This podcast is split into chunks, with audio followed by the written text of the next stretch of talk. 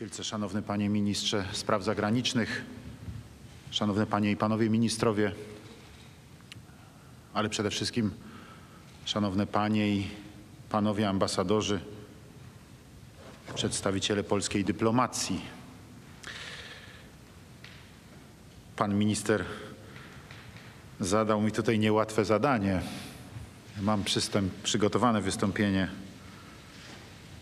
na piśmie, ale postaram się je uzupełnić jeszcze pewnymi własnymi elementami, które dodam do tego w związku z tym, co, co pan minister tutaj powiedział, jakie wobec mnie zgłosił oczekiwania, w jakimś sensie, jak rozumiem, państwa reprezentując. Dziękuję panie ministrze, dziękuję też za, za tę niezwykle pozytywną ocenę. Szanowni Państwo, przede wszystkim chcę powiedzieć, że cieszę się, że po tej długiej przerwie spowodowanej pandemią koronawirusa, kiedy no nie spotykaliśmy się z obawy, żeby nie sparaliżować polskiej dyplomacji chorobą, która gdyby dotknęła wszystkie nasze placówki, to nie byłoby dobrze. Nie spotykaliśmy się, a jak Państwo wie, wiecie doskonale, w tym międzyczasie bardzo wiele się zdarzyło. Powiedzieć, że cieszę się, że mogę się z Państwem spotkać i że zechcieliście Państwo przyjąć to zaproszenie do Pałacu Prezydenckiego. Oczywiście jest bardzo grzecznie, ale kontekst jest bardzo trudny i może nie tyle cieszę się, co dobrze, że się spotkaliśmy i miło mi jest Państwa zobaczyć, bo ta rozmowa e, i te spotkania i Państwa tutaj wizyta w Warszawie w związku z tymi tradycyjnymi konsultacjami jest w tym roku i w tym czasie, kto wie, może najważniejsza w ciągu ostatnich tych ponad 30 lat od 1989 roku, bo mieliśmy różne w tym czasie przełomowe wydarzenia w naszej historii, które zapisały się. Mieliśmy wstąpienie do Sojuszu Północnoatlantyckiego, mieliśmy wstąpienie do Unii Europejskiej, mieliśmy przybycie po raz pierwszy wojsk Sojuszu Północnoatlantyckiego na nasze terytorium nie tak dawno, w 2017 roku, kiedy osadziły się tutaj, mam nadzieję, na dobre,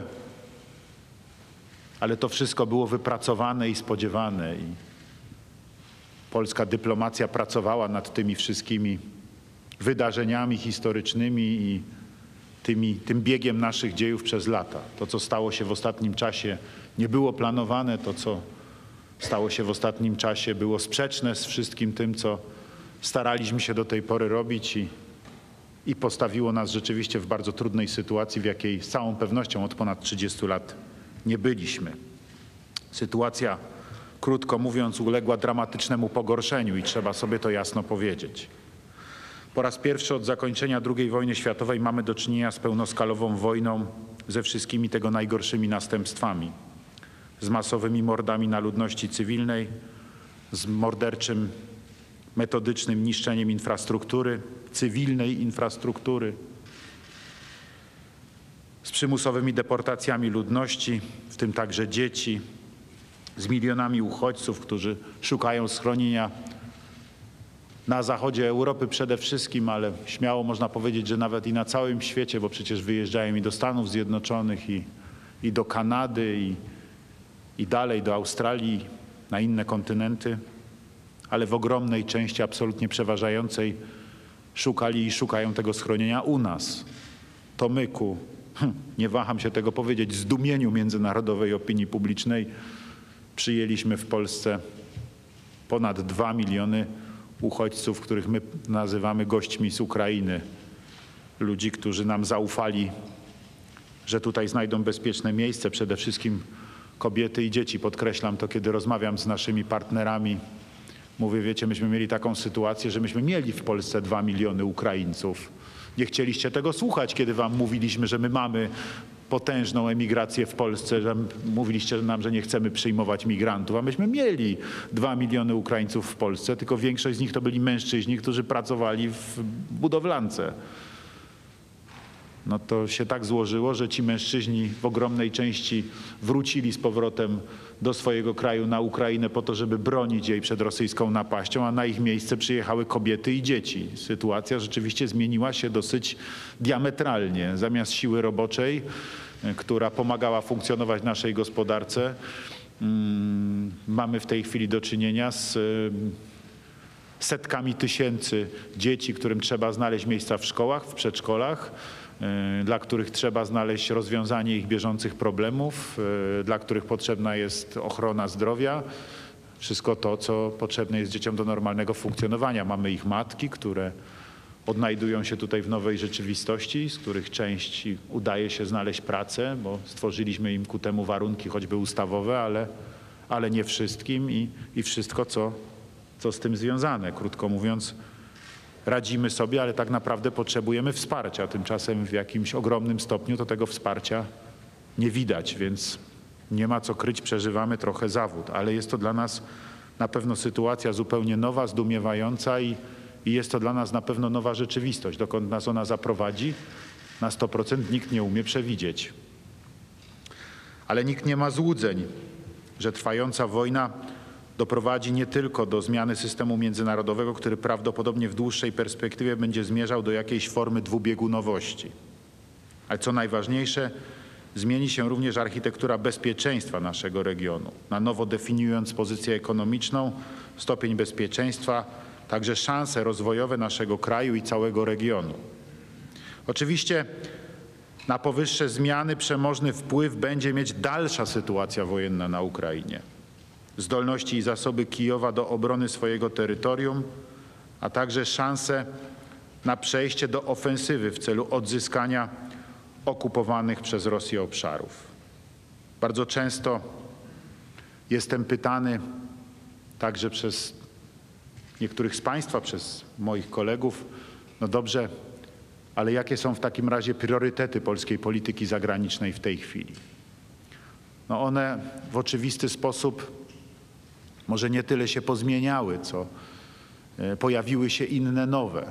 Dzisiaj tym podstawowym, absolutnie fundamentalnym priorytetem dla nas jest to, aby ta wojna zakończyła się w sposób dla Polski bezpieczny. Nie tylko, żeby się po prostu zakończyła. Nie. Nie o to nam chodzi.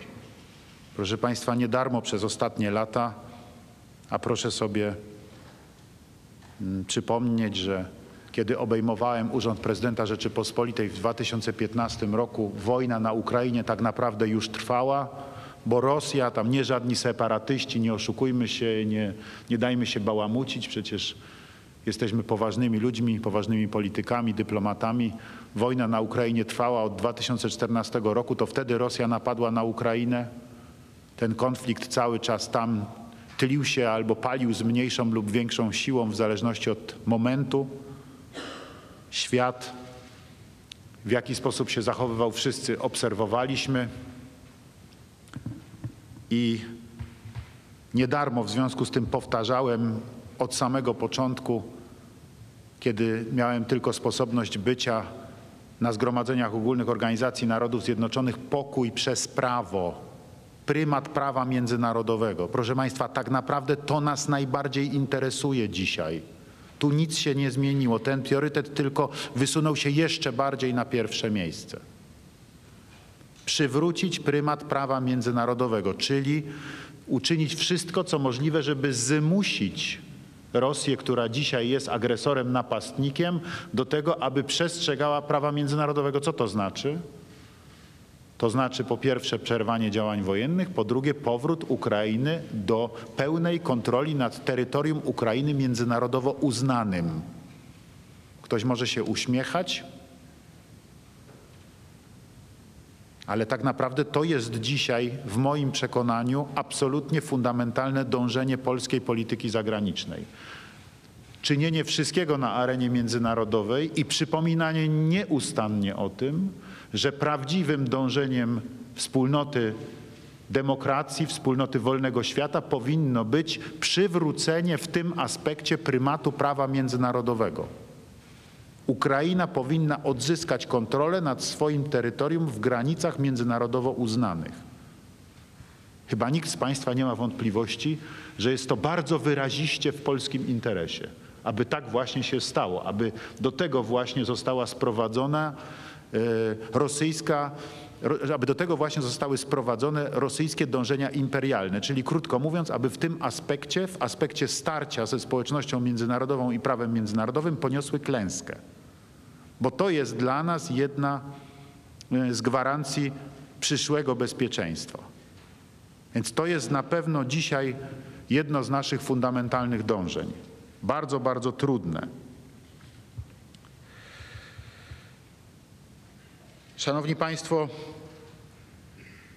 na pewno jednym z bardzo ważnych elementów tutaj, oprócz polityki sankcji, oprócz tej polityki dosłownej, którą realizujemy w czasie naszych różnego rodzaju konsultacji, spotkań i działań międzynarodowych, jest także bezpośrednie wspieranie Ukrainy. Wspieranie przez to, że przyjmujemy tutaj te kobiety i dzieci z Ukrainy po to, żeby ich mężowie, ojcowie,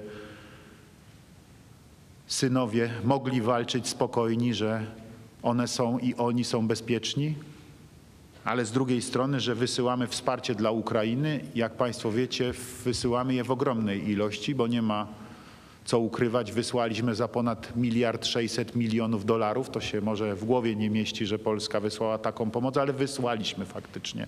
Między innymi ponad 240 czołgów, 100 pojazdów opancerzonych, wysłaliśmy systemy e, rakietowe, wysłaliśmy ogromne ilości amunicji, wysłaliśmy e, karabiny, wysłaliśmy bardzo wiele różnorakiej broni, plus wyposażenie osobiste, kamizelki kuloodporne, hełmy kewlarowe dla żołnierzy ukraińskich. Po co? Po to, żeby mogli zatrzymać rosyjską agresję. Po to, żeby zatrzymała się ta rosyjska agresja na Ukrainie i w miarę możliwości została odparta, żeby nie trzeba było jej odpierać na Podkarpaciu, na Lubelszczyźnie, czy nie daj Panie Boże w Małopolsce, czy w Świętokrzyskim. Dokładnie po to wysłaliśmy prawie, że bez zastanowienia, bo wiedzieliśmy o tym, że jest to potrzebne natychmiast i między innymi dlatego pozostawaliśmy i pozostajemy cały czas w bardzo ścisłej współpracy konsultacyjnej, praktycznie rzecz biorąc na telefon z naszymi sąsiadami z Ukrainy po to właśnie, aby zrealizować różnego rodzaju ich potrzeby, bo przekonaliśmy się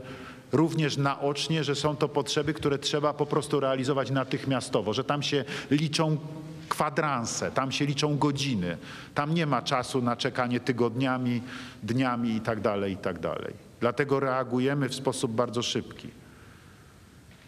I rzeczywiście pracowaliśmy tutaj, no były takie momenty, że śmiało mogę mówić dniami i nocami, a konsultacje ze stroną ukraińską odbywały się nieraz o godzinie drugiej, trzeciej w nocy i, i nikogo to nie dziwiło i jak trzeba, to, to też i w taki sposób realizujemy politykę bezpieczeństwa Rzeczypospolitej. Proszę Państwa, stąd też uruchomiliśmy nasz hub, który dzisiaj pomaga Ukrainie otrzymywać wsparcie także militarne, praktycznie rzecz biorąc z całego świata. Stąd e, podjęliśmy różne bardzo trudne decyzje, ale jesteśmy przekonani, że były to decyzje konieczne. Nie zastanawialiśmy się nad tym, czy one wzmocnią naszą pozycję międzynarodową, czy nie. Okazało się, że wzmocniły, co efektem jest, z którego oczywiście jako prezydent Rzeczypospolitej jestem zadowolony, ale chciałbym, żebyście Państwo rozumieli, że to jest efekt uboczny. Tym podstawowym efektem była reprezentacja bardzo bieżącego, twardego interesu bezpieczeństwa Rzeczypospolitej Polskiej, a nawet nie tyle jej pozycji międzynarodowej. My rzeczywiście po prostu obawialiśmy się i obawiamy, że rosyjska polityka imperialna, która odżyła, o której mówił Lech Kaczyński w 2008 roku w Tbilisi, a o której później Władimir Putin wielokrotnie mówił w udzielanych wywiadach, którą teraz realizuje. Warto do tych wywiadów wrócić i posłuchać, że jego zdaniem imperium rosyjskie kończy się na Kaliszu. Powinno być dla nas bardzo wyrazistym wskaźnikiem tego, jak zdecydowaną tutaj politykę powinniśmy prowadzić i jak bardzo nie możemy się bać, że nie wolno nam się po prostu dzisiaj bać, bo właśnie nasz adwersarz chce, żebyśmy się bali i chce, żebyśmy się cofali, a nam tego nie wolno zrobić, bo mamy doświadczenie historyczne i wiemy, że ten, kto się boi, ten musi przegrać. Więc zachowując zdrowy rozsądek, Musimy po prostu robić swoje i staramy się to robić. Bardzo proszę, żebyście Państwo budowali w tych miejscach, w których reprezentujecie Rzeczpospolitą, taki właśnie obraz Polski, która po prostu rozumie sytuację, która dzisiaj jest, rozumie tą sytuację jako nie tylko sytuację Ukrainy. Bo kto patrzy na to wyłącznie przez pryzmat Ukrainy, ten albo z premedytacją, albo poprzez bardzo wąskie myślenie błędnie postrzega sytuację. Błędnie oczywiście z naszego punktu widzenia i z punktu widzenia naszej części Europy, tej, która jest tą potencjalną, gdzieś tam będącą we mrzonkach rosyjskich ich strefą wpływów, na którą należy rozprzestrzeniać coś, co się nazywa ruski mir, co przyznam Państwu, że mnie skóra się jeży na karku, kiedy słyszę to sformułowanie. Jako ten, który urodził się kiedyś za żelazną kurtyną i, i jestem mniej więcej w stanie zrozumieć, co to oznacza. Proszę Państwa, udzielamy jednoznacznego wsparcia politycznego władzom w Kijowie. One się, ono się wyrażało od samego początku, między innymi poprzez nieprzerwaną obecność naszego ambasadora, pana ambasadora Bartosza Cichockiego jest tutaj z nami dzisiaj, panie ambasadorze. Witam bardzo serdecznie. Dziękowałem, dziękowałem Werchownej Radzie i dziękuję dzisiaj też w obecności naszego korpusu dyplomatycznego za tą postawę, bo Później to już tak wszyscy przypuszczali, że żadnego wielkiego ataku na Kijów nie będzie, ale pamiętamy dni takie, kiedy,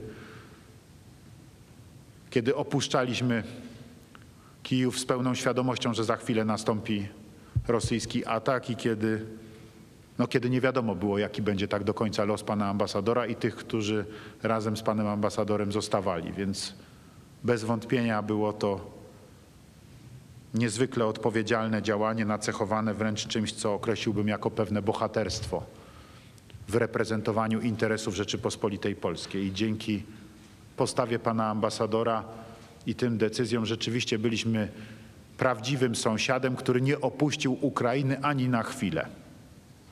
I możemy śmiało dzisiaj z podniesioną głową na arenie międzynarodowej mówić tak, staliśmy cały czas przy boku władz Ukrainy, które broniły swojego państwa i przywódców Ukrainy na czele z prezydentem Wołodymirem Zełeńskim, którzy swoją postawą jasno pokazywali, że są gotowi oddać życie w obronie swojego kraju. Takie były tamte momenty. Mam nadzieję, że one już nie wrócą, ale bardzo panu ambasadorowi za to dziękuję, bo jest to nasz wielki powód do dumy i coś, czym na pewno możemy się na arenie międzynarodowej, wśród społeczności międzynarodowej chwalić, o co państwa proszę żeby o tym mówić, bo trzeba mówić o tym, co jest naszą zasługą. Inni się chwalą i się nie oglądają, a my jesteśmy skromni, my się wstydzimy, może nie wypada. Nie. Trzeba mówić. Czasem nawet dwa razy trzeba mówić, zwłaszcza tam, gdzie nie bardzo chcą to słyszeć. A wiecie Państwo, że takich miejsc jest wiele. To dla Pana ambasadora.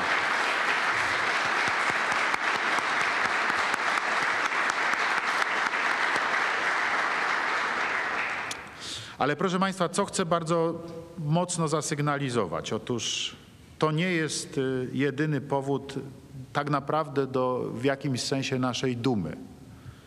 Y, Czasem mówi się, że mądry Polak po szkodzie, czasem mówi się, że my Polacy nie umiemy myśleć naprzód, nie umiemy przewidywać, nie umiemy się zabezpieczyć, nie umiemy podejmować działań, które stanowią budowanie pewnej strefy czy pewnych granic bezpieczeństwa, otóż trzeba sobie jasno powiedzieć, w ogromnym przypadku, w ogromnej części w tym przypadku tak się nie stało, co, co na pewno jest dla nas powodem do dumy, bo wiele innych krajów i ich władz, też wybieranych w demokratycznych wyborach, też o bardzo szerokich horyzontach, z różnych przyczyn zapewne nie spojrzało w taki sposób, w jaki myśmy spojrzeli.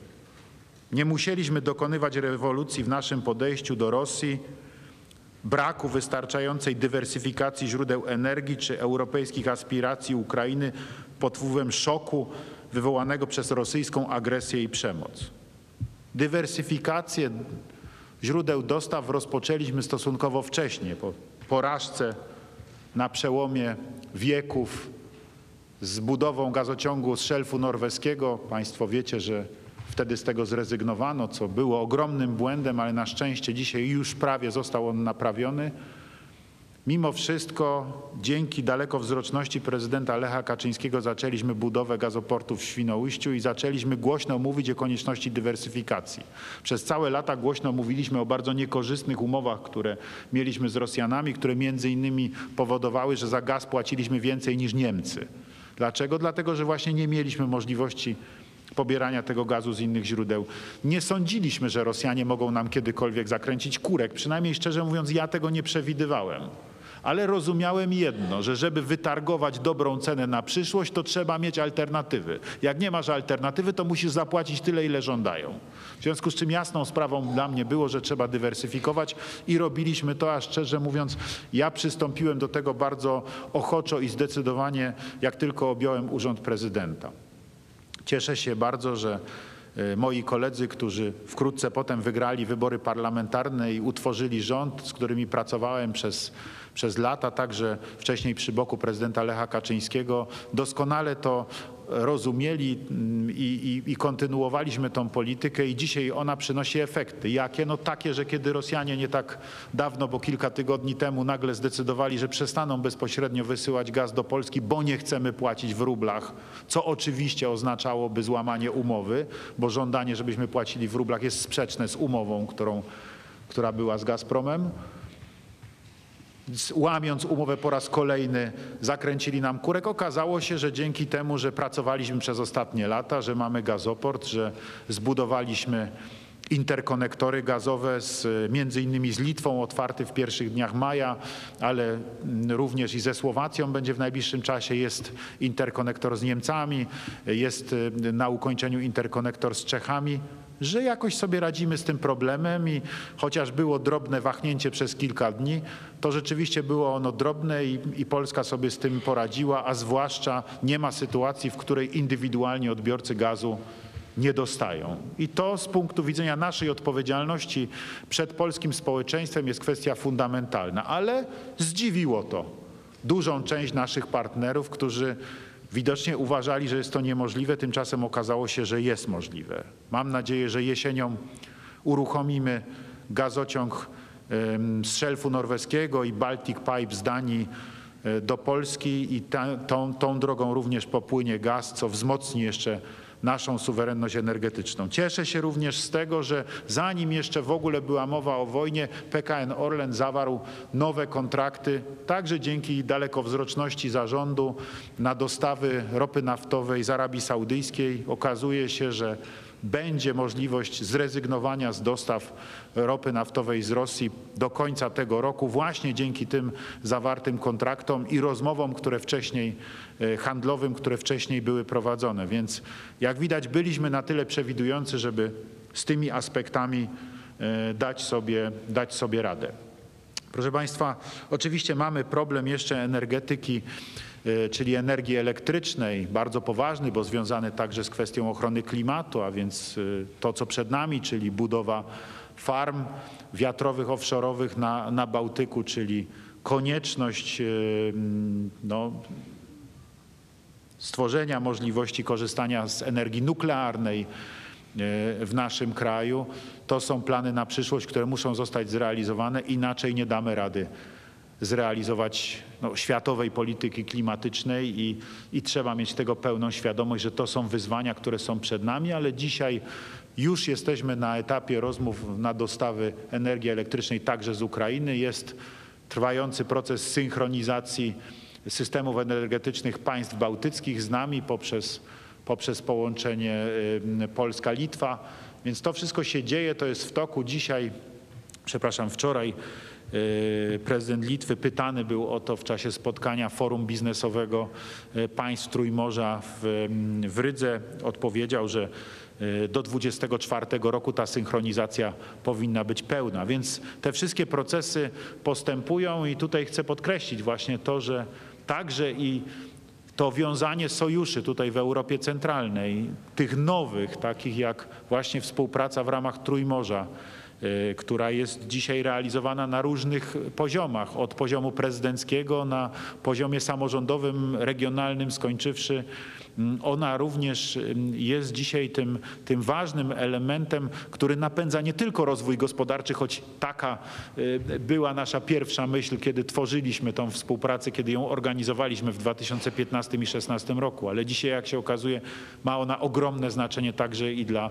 budowania sfery naszego bezpieczeństwa, tego bezpieczeństwa energetycznego, ale kiedy przełożymy to na drogi, na koleje, to przecież także i tego bezpieczeństwa militarnego, bo poza transportem lotniczym, to jakoś te wojska muszą się przemieszczać, jeżeli taka będzie potrzeba i wiadomo, że nowoczesne drogi i nowoczesne koleje są ku temu, są ku temu niezwykle ważnym elementem i pod tym względem, proszę Państwa, świat się nie zmienia.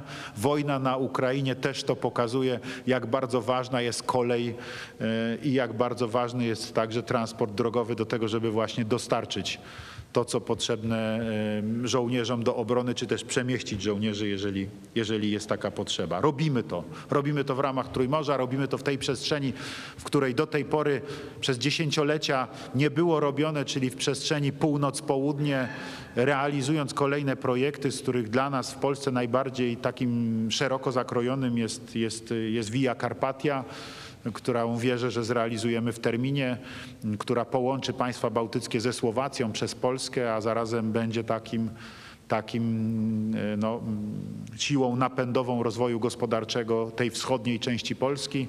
Y, i wszystkie inne trasy, które, które i kolejowe, i drogowe, które są budowane właśnie w Polsce, w tej przestrzeni północ-południe, co ma znaczenie fundamentalne także dla, dla naszych portów, dla, dla możliwości kreowania właśnie dostaw różnego rodzaju, dla przyszłej, mam nadzieję, budowy także i gazoportu w Gdańsku, bo będzie nam potrzebny kolejny gazoport.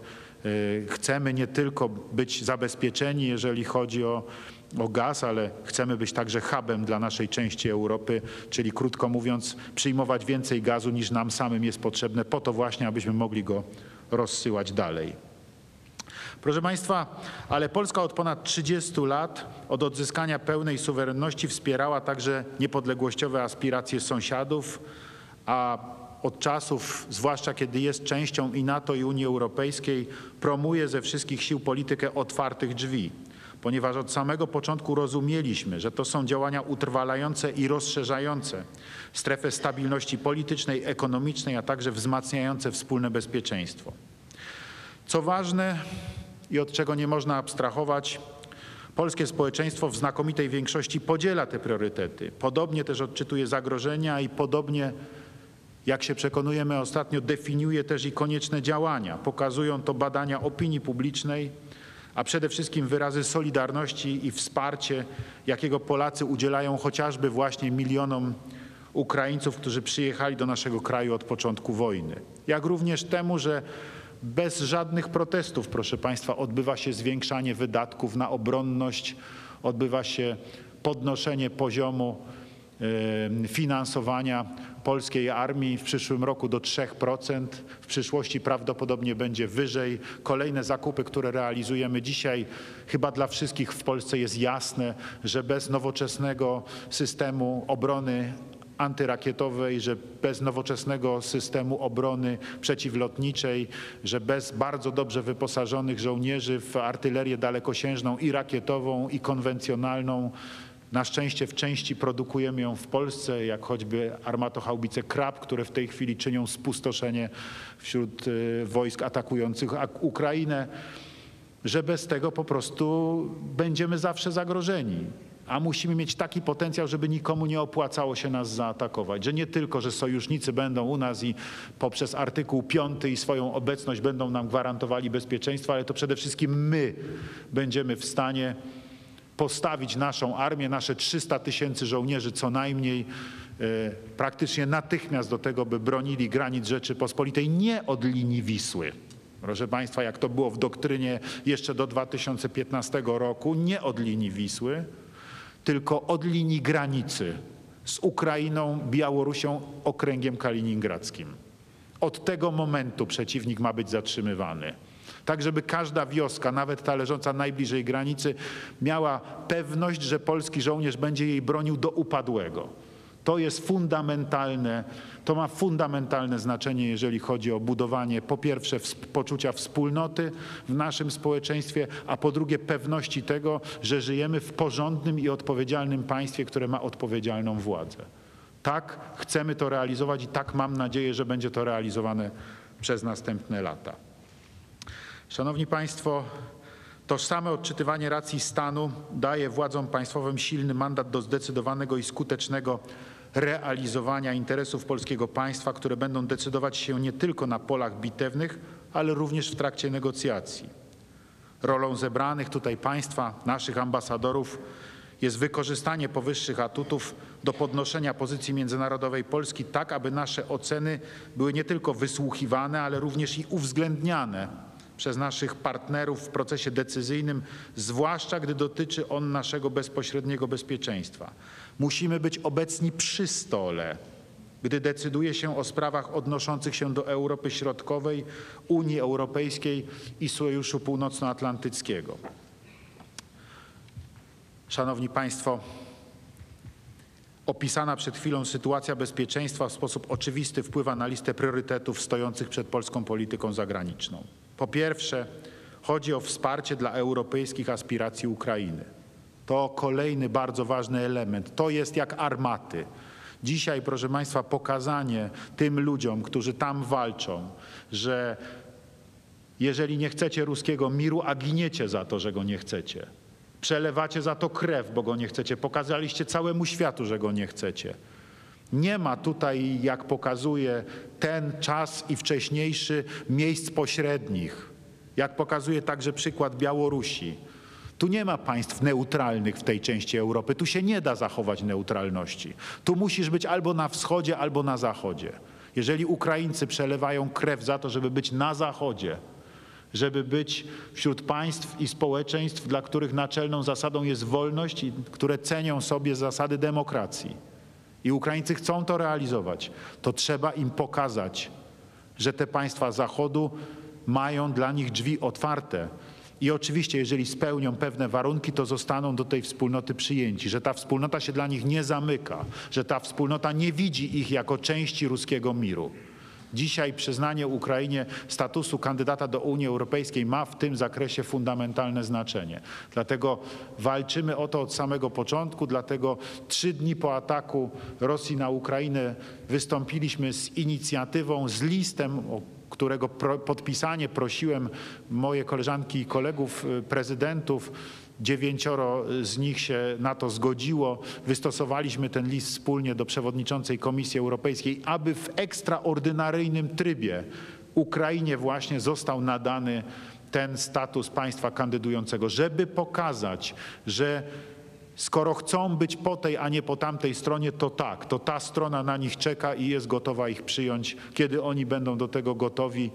Oczywiście oni wiedzą o tym doskonale, że muszą przejść ścieżkę i muszą zrealizować pewne wymagania. Nie oczekują przyjęcia do Unii Europejskiej w tym tygodniu, ale oczekują tego, że ta Unia pokaże im, że drzwi są otwarte. Walczymy o to, żeby im pokazała i to w tym momencie, dosłownie w tych dniach jest jeden z absolutnych naszych priorytetów, bo za dwa dni, 23 czerwca rozpocznie się spotkanie Rady Europejskiej i mamy nadzieję, że ta decyzja w sprawie przyznania statusu kandydata Ukrainie zostanie tam podjęta.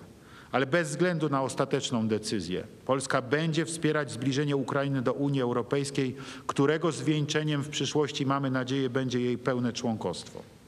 Zadaniem dla państwa jest przekonywanie tych spośród naszych partnerów, którzy wyrażają wątpliwości. Stawką jest nie tylko członkostwo Ukrainy. Chodzi bowiem przede wszystkim o jeszcze silniejsze zaszczepienie europejskich standardów, a także stabilności i dobrobytu na wschód od Polski, co bez wątpienia jest korzystne dla naszego kraju, bowiem odsuwa to właśnie, z czym absolutnie nie chcemy mieć do czynienia. Odsuwa ruski mir. Im dalej ruski mir będzie od naszej granicy, tym dla nas lepiej, dla Polski bezpieczniej, nie tylko dla tej, w której my żyjemy, ale mam nadzieję także dla tej, w której będą żyły następne pokolenia naszych dzieci i wnuków. Jednocześnie nie możemy zapominać o pozostałych krajach aspirujących do członkostwa w Unii Europejskiej i w NATO. Polska nadal będzie pełnić rolę adwokata dla takich państw jak Mołdawia, Mam nadzieję, że Mołdawia też w tej chwili uzyska status kandydata, bo wszyscy Państwo wiecie, gdzie Mołdawia leży, jaka jest jej sytuacja. Wydaje się to wraz z Ukrainą niemalże automatyczne i logiczne, aby też ten status uzyskała. Ale także takich państw jak Gruzja czy Macedonia Północna. Polska nie może Polska może, przepraszam, odgrywać rolę mediatora w rozwiązywaniu sporów między naszymi sojusznikami i stara się tą rolę odgrywać, choćby szukając możliwości zwolnienia znanej niektórym z Państwa blokady, jaką władze bułgarskie dzisiaj y, stawiają aspiracjom unijnym właśnie Macedonii Północnej. Są tam problemy, które trzeba rozwiązać. Staramy się aktywnie pomagać w rozwiązywaniu tych problemów. Szukamy rozwiązań, rozmawiamy z obydwoma stronami. Mam nadzieję, że w niedługim czasie takie rozwiązanie, także dzięki naszemu wsparciu, zostanie e, uzyskane. Proszę Państwa, chciałbym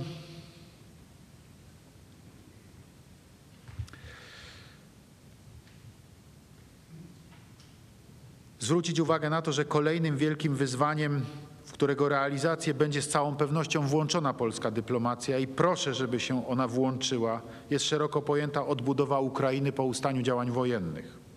Rosja zaczęła tej, tę wojnę, jej wojska dokonują zniszczeń infrastruktury cywilnej, dlatego odbudowa Ukrainy powinna być w pierwszej kolejności finansowana ze środków rosyjskich. Po prostu Rosja powinna zapłacić za to, co niszczy. Uważamy i mówimy to otwarcie w przestrzeni międzynarodowej, że w pierwszej kolejności powinny być to te środki, które zostały przez społeczność międzynarodową w różnych miejscach po prostu zablokowane. To jest, jak się szacuje, kwota chyba około 700 czy 750 miliardów dolarów, więc kwota niemała, która z pewnością w odbudowie Ukrainy znacząco by pomogła. Ale miejmy świadomość, że pewnie te pieniądze nie wystarczą i że trzeba będzie szukać różnych możliwości tworzenia funduszy i poszukiwania środków na odbudowę Ukrainy. Chciałbym, żebyśmy byli w tym zakresie aktywni i chciałbym, żebyśmy w tym procesie odbudowy Ukrainy wzięli udział, żeby wzięły w tym udział nasze firmy, żebyśmy byli tymi, którzy nie tylko, że skorzystają w tym znaczeniu, że będzie praca dla, dla polskich firm, zadania dla nich do wykonania, ale także to, że nasi sąsiedzi z Ukrainy będą widzieli, że polskie ręce pomagają w odbudowaniu Ukrainy. To jest bardzo ważne dla budowania przyszłych więzi w naszej części Europy, dla budowania dobrosąsiedzkich relacji. Ta cała dramatyczna, trudna sytuacja stworzyła okazję do wielkiej zmiany w relacjach pomiędzy naszymi narodami w stosunku do tego, co było w tej relacji, zwłaszcza poprzez ostatnie dziesięciolecia, ale tak naprawdę wiemy doskonale, że śmiało można mówić, że pewnie i przez stulecia. Być może jest szansa na dokonanie w tej relacji zmiany, jakiej od stuleci nikt nie widział. Gdybyśmy tą szansę zaprzepaścili, byłby to z pewnością nasz wielki grzech wobec przyszłych pokoleń. Powinniśmy czynić wszystko, aby tą szansę wykorzystać. Rysuje się ona bardzo wyraźnie. Proszę Państwa, cóż jest naszym zadaniem dzisiaj? No przede wszystkim przekonywanie nieprzekonanych, tych, którzy uważają, że no nie wolno ruszać rosyjskich środków, prawda, i tak dalej, i tak dalej. Wolno. Wolno, proszę Państwa. Tak samo jak żenujące jest, kiedy słyszę, że nie wolno poniżać Rosji, że trzeba pozwolić Rosji zachować twarz. Wiecie Państwo, Rosja napadła i morduje. Przecież nikt nie napadał Rosji. Opowieści propagandy rosyjskiej o zagrożeniu, jakie stwarza dla niej NATO w kontekście morderstw, których Rosja dopuszczała się w Londynie na przestrzeni ostatnich dziesięcioleci, w kontekście napaści rosyjskich na Ukrainę, napaści wcześniejszej rosyjskiej na, na, e, na, na Gruzję, napaści tak naprawdę na Syrię, tego co Rosjanie robili w Syrii Wie Państwo, po prostu to jest żenująca propaganda. To Rosja jest odpowiedzialna za tą wojnę, to Rosja będzie odpowiedzialna, jeżeli dojdzie do klęski głodu spowodowanej brakiem dostaw płodów rolnych z Ukrainy do Afryki do innych części świata. To Rosja jest odpowiedzialna za wszystkie nieszczęścia, które z wojny na Ukrainie wynikają, bo to ona ją spowodowała bez żadnego powodu, poza jednym oczywistym, czyli swoimi imperialnymi mrzonkami, które, które władze rosyjskie e, próbują realizować jako, jako, jako, jako, jako politykę wielkoruską, mocarstwową. Otóż no, trzeba po prostu jasno powiedzieć, taka polityka kosztuje. Tym kosztem musi być to, że po prostu Rosja za to zapłaci, za to, co zniszczy i trzeba w naszym sojusznikom, zwłaszcza tym, którzy marzą o powrocie do business as usual, bardzo twardo to powtarzać. Choćby byli z tego niezadowoleni, choćby się krzywili i nie chcieli słuchać. No jest, proszę Państwa, tak, że dyplomacja nie polega na tym, żebyśmy mówili innym to, co właśnie chcą usłyszeć. Czasem jest tak, że trzeba powiedzieć to, co jest oczywistym także naszym interesem, a co oni niekoniecznie chcą usłyszeć. Ale dobrze byłoby, żeby usłyszeli wielokrotnie. Prosiłbym, żebyście się Państwo nie obawiali tego powtarzać. Jeżeli będą jakieś skargi na to, że Państwo to powtarzacie, to wierzcie mi, że będzie to Wam zapisywane do kategorii zasług tutaj u prezydenta Rzeczypospolitej. Proszę Państwa, nie chodzi tylko o przedstawicieli władz, ale również chodzi o zachodnie społeczeństwa. Na szczęście w wielu przypadkach wyniki badań opinii publicznej pokazują przeważające zrozumienie dla tych racji wśród obywatelów poszczególnych europejskich państw. No proszę Państwa, zwłaszcza w dobie kryzysu, oczywistą sprawą jest i trzeba to wykorzystać, że także zachodnie zamożne społeczeństwa no nie chcą płacić, skoro może zapłacić ten, kto zniszczył. To jest oczywiste w regułach zachodnich, że jeżeli ktoś spowodował szkodę, to powinien za tą szkodę zapłacić. Nie trzeba tutaj wiele tłumaczyć e, w mediach na zachodzie Europy, żeby ludzie, którzy tych mediów słuchają czy oglądają, zrozumieli, co państwo chcecie wyrazić. To raczej oponenci mają problem z wytłumaczeniem, dlaczego Rosja ma nie zapłacić za to, co zniszczyła i zburzyła na Ukrainie. Dlaczego ma nie zapłacić za odbudowę tych bloków mieszkalnych, dlaczego ma nie zapłacić za odbudowę tych fabryk, mostów i tak dalej, i tak. Dlaczego ma nie zapłacić odszkodowań rodzinom, których najbliżsi zostali po prostu zabici, zwłaszcza jeżeli nie byli żołnierzami, nie zginęli w walkach, tylko zostali zamordowani? Dlaczego ma za to nie zapłacić? Dlaczego nikt ma nie ponieść za to odpowiedzialności? Jest to naturalne dla wszystkich ludzi żyjących w państwach demokratycznych, zwłaszcza właśnie na zachodzie Europy, że ta odpowiedzialność powinna być. Więc jest to zadanie, które powinniście Państwo realizować, bo ono nie jest zadaniem bardzo trudnym, choć może być zadaniem nieprzyjemnym w relacjach no, z naszymi partnerami na zachodzie Europy, zwłaszcza powtarzam tymi, którzy patrzą na Rosję wyłącznie przez pryzmat interesów. Chciałbym, żeby wykorzystali Państwo właśnie tą zbieżność ocen tak aby zachodnie społeczeństwa miały większą wiedzę na temat działań podejmowanych przez Polskę i na temat polskiego stanowiska, a także żeby wzbogacić zachodnią debatę na temat bezpieczeństwa Europy Środkowej i polityki względem Rosji o punkt widzenia nas, czyli największego środkowoeuropejskiego państwa sąsiadującego z Rosją i mającego długą tradycję prowadzenia polityki wschodniej. Proszę Państwa, naszą historię w dużym bardzo uproszczeniu, historycy pewnie powiedzą, że to trochę prymitywne, można sprowadzić do dwóch elementów. Nasza historia, te ponad 1050 lat, to jest de facto, jakby tak ścisnąć i mocno się przyjrzeć, 1050 lat wojen z Niemcami i 500 lat wojen z Rosją. 500 lat wojen z Rosją. Powiedziałem to wczoraj w Rydze. 500 lat wojen z Rosją i cały czas tu jesteśmy. I Bałtowie, i my, i Białorusini, i Ukraińcy też. Więc ja jestem generalnie optymistą. Tylko musimy po prostu robić swoje. Nie wolno nam zapominać o tym, jakie są nasze zadania i proszę, żebyście Państwo spokojnie i konsekwentnie naszym partnerom i społeczeństwom na zachodzie Europy to tłumaczyli, kiedy tylko macie okazję być w mediach. Proszę się przed tym nie uchylać.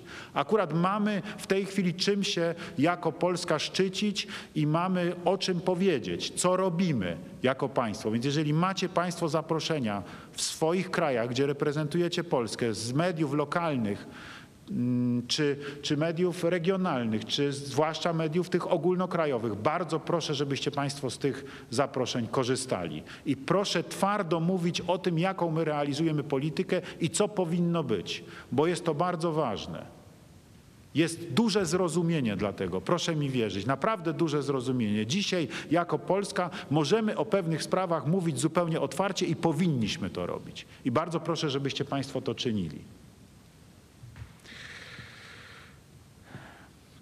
Ostatnią ważną kwestią dotyczącą rosyjskiej agresji przeciw Ukrainie jest bezwzględne utrzymanie polityki sankcyjnej, również w okresie po zakończeniu działań wojennych. Ja powiedziałbym nawet więcej.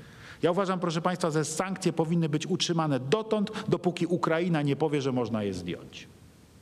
Ukraina, która została napadnięta.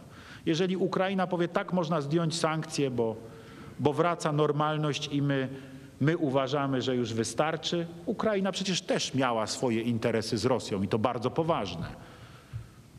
To uważam, że wtedy wspólnota Zachodu powinna rzeczywiście myśleć poważnie o zdjęciu sankcji. A dopóki nie, to te sankcje trzeba zwiększać. Przemawia za tym racjonalna, osadzona na twardych faktach ocena zagrożenia, jakie dla Europy i światowego porządku stanowi Rosja. Zdaję sobie sprawę, że wielu już teraz z niecierpliwością czeka na ustanie działań wojennych, żeby znów robić w Rosji interesy. Znamy również ich argumenty. Zresztą Państwo też pewnie słyszeli je wielokrotnie. Dlatego trzeba naszej żmudnej pracy, żeby nie dopuścić do popełnienia przez Zachód starych błędów, ponieważ to nam przyjdzie w pierwszej kolejności za te błędy zapłacić wzrostem niepewności, wzrostem ryzyka, a w konsekwencji, proszę Państwa, oby tylko obniżeniem bezpieczeństwa, bo wiecie o tym, że zagrożenie prawdziwe jest dalece bardziej poważne. Na szczęście mamy silnych sojuszników podzielających nasze oceny. Dlatego ważnym priorytetem polskiej polityki zagranicznej pozostaje umacnianie więzi transatlantyckich, Trwająca wojna pokazała znaczenie tych relacji dla bezpieczeństwa Starego Kontynentu, a także dla Polski i szerzej dla całej wschodniej flanki NATO. Amerykańskie przywództwo wyrażające się w obecności żołnierzy Armii Stanów Zjednoczonych w Europie pozostaje niezmiennie jednym z głównych filarów polskiej architektury bezpieczeństwa obok własnej silnej armii. Z łącznej liczby około 100 tysięcy amerykańskich żołnierzy, którzy są w tej chwili w Europie, 10 tysięcy ponad jest u nas. Więc jest to w tym momencie już bardzo konkretna siła Armii Stanów Zjednoczonych, która jest dzisiaj na naszej ziemi. No i co tu wiele kryć, jest gwarancją bezpieczeństwa tego przysłowiowego artykułu 5, o, których, o którym kilka tygodni temu tutaj na dziedzińcu Zamku Królewskiego w Warszawie mówił pan prezydent Joe Biden. Szanowni Państwo, Argumenty zwolenników na rzecz większej autonomii strategicznej Europy przegrywają w zderzeniu z twardą rzeczywistością rosyjskiej agresji. Pomysłowi nie pomagają również wahania po stronie naszych zachodnioeuropejskich partnerów odnośnie wojskowej pomocy dla Ukrainy, a także przedwcześnie wyrażana gotowość do rozmów z Moskwą, gdy takiej woli nie ujawniają władze w Kijowie. Proszę Państwa, powiedziałem dzisiaj w mediach w telewizji mm, łotewskiej, pytany o moją krytykę rozmów e, prowadzonych e, tutaj przez liderów europejskich z Władimirem Putinem, powiedziałem, nie chodzi o to, żeby nie rozmawiać z Władimirem Putinem. Nie chodzi o to, żeby w ogóle nie rozmawiać z Władimirem Putinem, ale chodzi o to, żeby to Władimir Putin chciał rozmawiać. A nie, żeby europejscy liderzy prosili agresora o rozmowę. Otóż trzeba tak dokręcić śrubę, tak pomóc Ukrainie i taką politykę sankcji wprowadzić, żeby to Władimir Putin prosił liderów o rozmowę. I wtedy można z nim rozmawiać. Kiedy to on będzie prosił o to i szukał możliwości znalezienia jakichś warunków do zakończenia wojny, bo wtedy będzie można mu te warunki podyktować. A dopóki tego nie będzie, to każdy, kto do niego dzwoni, jest po prostu proszącym. No nie jest to z całą pewnością strategia prowadząca do sukcesu, którym byłoby przywrócenie prymatu prawa międzynarodowego gwałconego codziennie przez Rosję i przez Władimira Putina jako tego, który nią steruje. Dla mnie jest to sprawa oczywista. Być może, że niektórzy przedstawiciele sfer dyplomatycznych inaczej to widzą. Proszę Państwa, obiektywne dane wskazują, że to Stany Zjednoczone, Polska, Wielka Brytania i kraje regionu naszego, państwa bałtyckie, w największym stopniu wzięły na siebie obciążenia związane z pomocą dla walczącej Ukrainy. Planując zacieśnienie sojuszy wzmacniających nasze bezpieczeństwo, nie możemy abstrahować od tych faktów. Wprost przeciwnie, Przekonując do swoich racji partnerów mających inne priorytety niż my, musimy w dalszym ciągu konsekwentnie rozwijać bliską współpracę z krajami regionu, z którymi łączy nas podobne spojrzenie na kwestie bezpieczeństwa, często wspólna historia i wynikające stąd również cele i wyzwania. W praktyce oznacza to zacieśnianie relacji politycznych, gospodarczych i w obszarze bezpieczeństwa z, krajami tworzącymi inicjatywę Trójmorza oraz bukaresztańską dziewiątkę. Naszym wspólnym celem, który znalazł potwierdzenie w dokumencie podpisanym na ostatnim szczycie bukaresztańskiej dziewiątki, jest trwałe i znaczące wzmocnienie potencjału wschodniej flanki NATO. Szanowni Państwo, kwestie twardego bezpieczeństwa w sposób oczywisty zdominowały listę priorytetów polskiej polityki zagranicznej. Niemniej na koniec chciałbym wspomnieć o jeszcze jednym wyzwaniu. Chodzi o zagrażający światu wybuch wspomnianego przeze mnie poważnego kryzysu żywnościowego. Według szacunków Organizacji Narodów Zjednoczonych do spraw wyżywienia i rolnictwa, czyli FAO, w tym roku głód może dotknąć ponad 320 milionów ludzi z najbiedniejszych regionów globu. Jak łatwo przewidzieć, taka sytuacja będzie mieć negatywne konsekwencje dla sytuacji społecznej i politycznej w tych państwach, grożąc absolutną destabilizacją w przestrzeni być może całych kontynentów. Jakkolwiek bogata północ, której Polska jest częścią, w jakimś sensie szczęśliwie, w najgorszym razie będzie musiała radzić sobie z gwałtownym wzrostem cen żywności. Zwłaszcza my. Przypomnę, że dzięki naszym rolnikom mamy bezpieczeństwo żywnościowe i to od lat jesteśmy eksporterem żywności. Można więc jasno powiedzieć, patrząc także za okno i na to, jakie są w tym roku warunki pogodowe, że prawdopodobnie żadnego kryzysu żywnościowego w Polsce nie będzie, ale nie ma wątpliwości, że ceny żywności będą rosły. Będą rosły także przez to, co będzie działo się na rynkach światowych.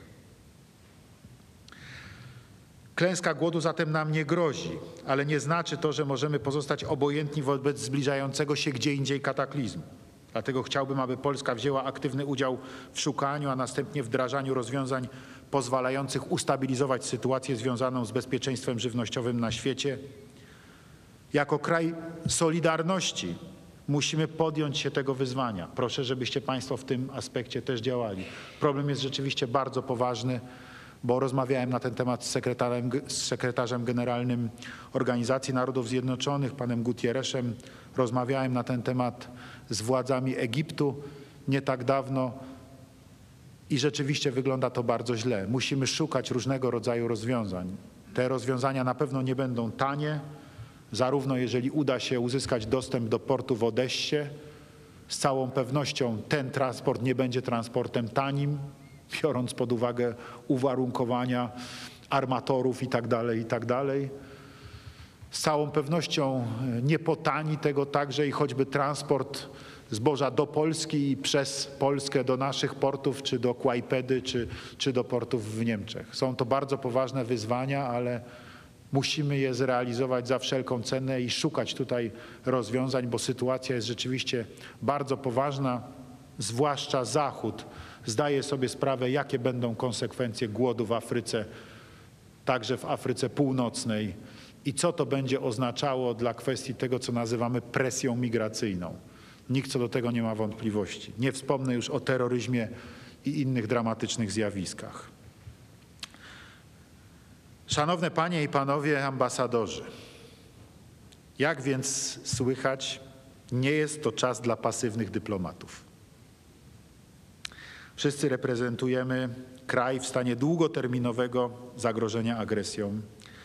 Nie pozwólcie Państwo, aby w krajach, w których reprezentujecie Polskę, tego nie wiedziano i żeby to bagatelizowano. Otwierajcie wszystkie drzwi, przekonujcie elity, pukajcie, przyjmujcie zaproszenia z mediów, rozmawiajcie przy każdej okazji, udzielajcie wywiadów, nie ustawajcie w pracy, bądźcie po prostu aktywni. Ogromnie o to proszę. Rozmawiajcie ze swoimi kolegami, ambasadorami innych krajów. Wykorzystujcie do tego wszelkie okazje. Wszelkie okazje, jakie są, żeby przedstawiać nasze sukcesy, żeby przedstawiać nasze działania i żeby przedstawiać nasze racje, żeby mówić o tej sytuacji takiej, jaką ona jest, taką, jaką znacie, żeby prze przedstawiać nasz punkt widzenia, nasz, czyli nie tylko polski, nasz punkt widzenia, czyli krajów, które były kiedyś za żelazną kurtyną, ludzi, którzy za żelazną kurtyną się urodzili, ludzi, którzy posmakowali niestety w swoim życiu ruskiego miru, ludzi, którzy w związku z tym wiedzą, co to oznacza i którzy wiedzą, o co walczą dzisiaj tak naprawdę Ukraińcy. Że to nie jest zabawa i tu nie ma żadnego, nie ma miejsca dla żadnego business as usual, bo to są poważne sprawy, które potem ciągną się na pokolenia.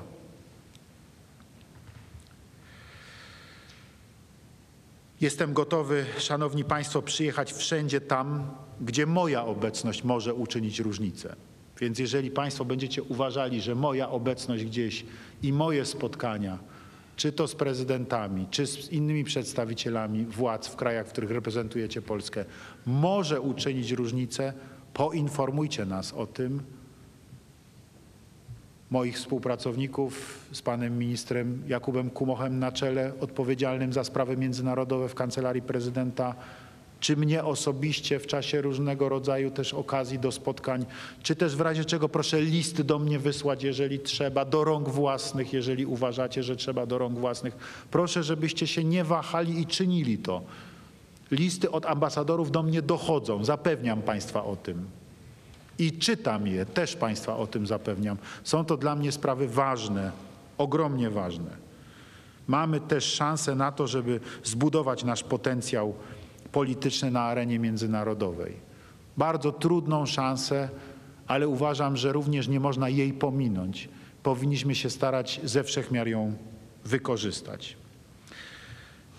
Powiem tak, jestem przekonany, że do końca mojej prezydentury będę w ciągłej podróży, tak jak to się właściwie teraz dzieje. I o ile będzie tego wymagało bezpieczeństwo kraju, będę to robił po prostu nieustannie. To samo zresztą robi pan premier, to samo robi pan minister spraw zagranicznych. Pamiętajcie Państwo zawsze, że to od naszej i Waszej aktywności, a daj Boże hiperaktywności, zależy bardziej niż kiedykolwiek los naszego kraju. Tak to chyba dzisiaj rzeczywiście jest i bardzo wyraźnie to widać. Szanowni Państwo, na koniec chciałbym podziękować za Waszą dotychczasową służbę dla Rzeczypospolitej i pracę każdego dnia. Chciałbym podziękować za wszystkie wysiłki, które Państwo czynicie po to, żeby budować dobre imię Polski w krajach, w których nas reprezentujecie, za wszystkie wysiłki, które czynicie. Dziękuję za to z całego serca. Zapewniam, że zarówno ja, jak i moi współpracownicy na czele z wspomnianym panem ministrem Jakubem Kumochem, który kieruje pracami Biura Polityki Międzynarodowej Kancelarii Prezydenta, pozostajemy otwarci na wszelkie formy współpracy z państwem. Mam nadzieję, że z wieloma spośród państwa będę miał jeszcze możliwość bliżej współpracować u państwa na miejscu, tam gdzie reprezentujecie Rzeczpospolitą przy okazji planowanych i tych jeszcze nieplanowanych wizyt. Życzę Państwu powodzenia w pełnieniu tych zaszczytnych funkcji ambasadorów Rzeczypospolitej i życzę Państwu po prostu sukcesów, a także i osobistej satysfakcji z dobrze wykonanej służby dla Polski. Dziękuję bardzo.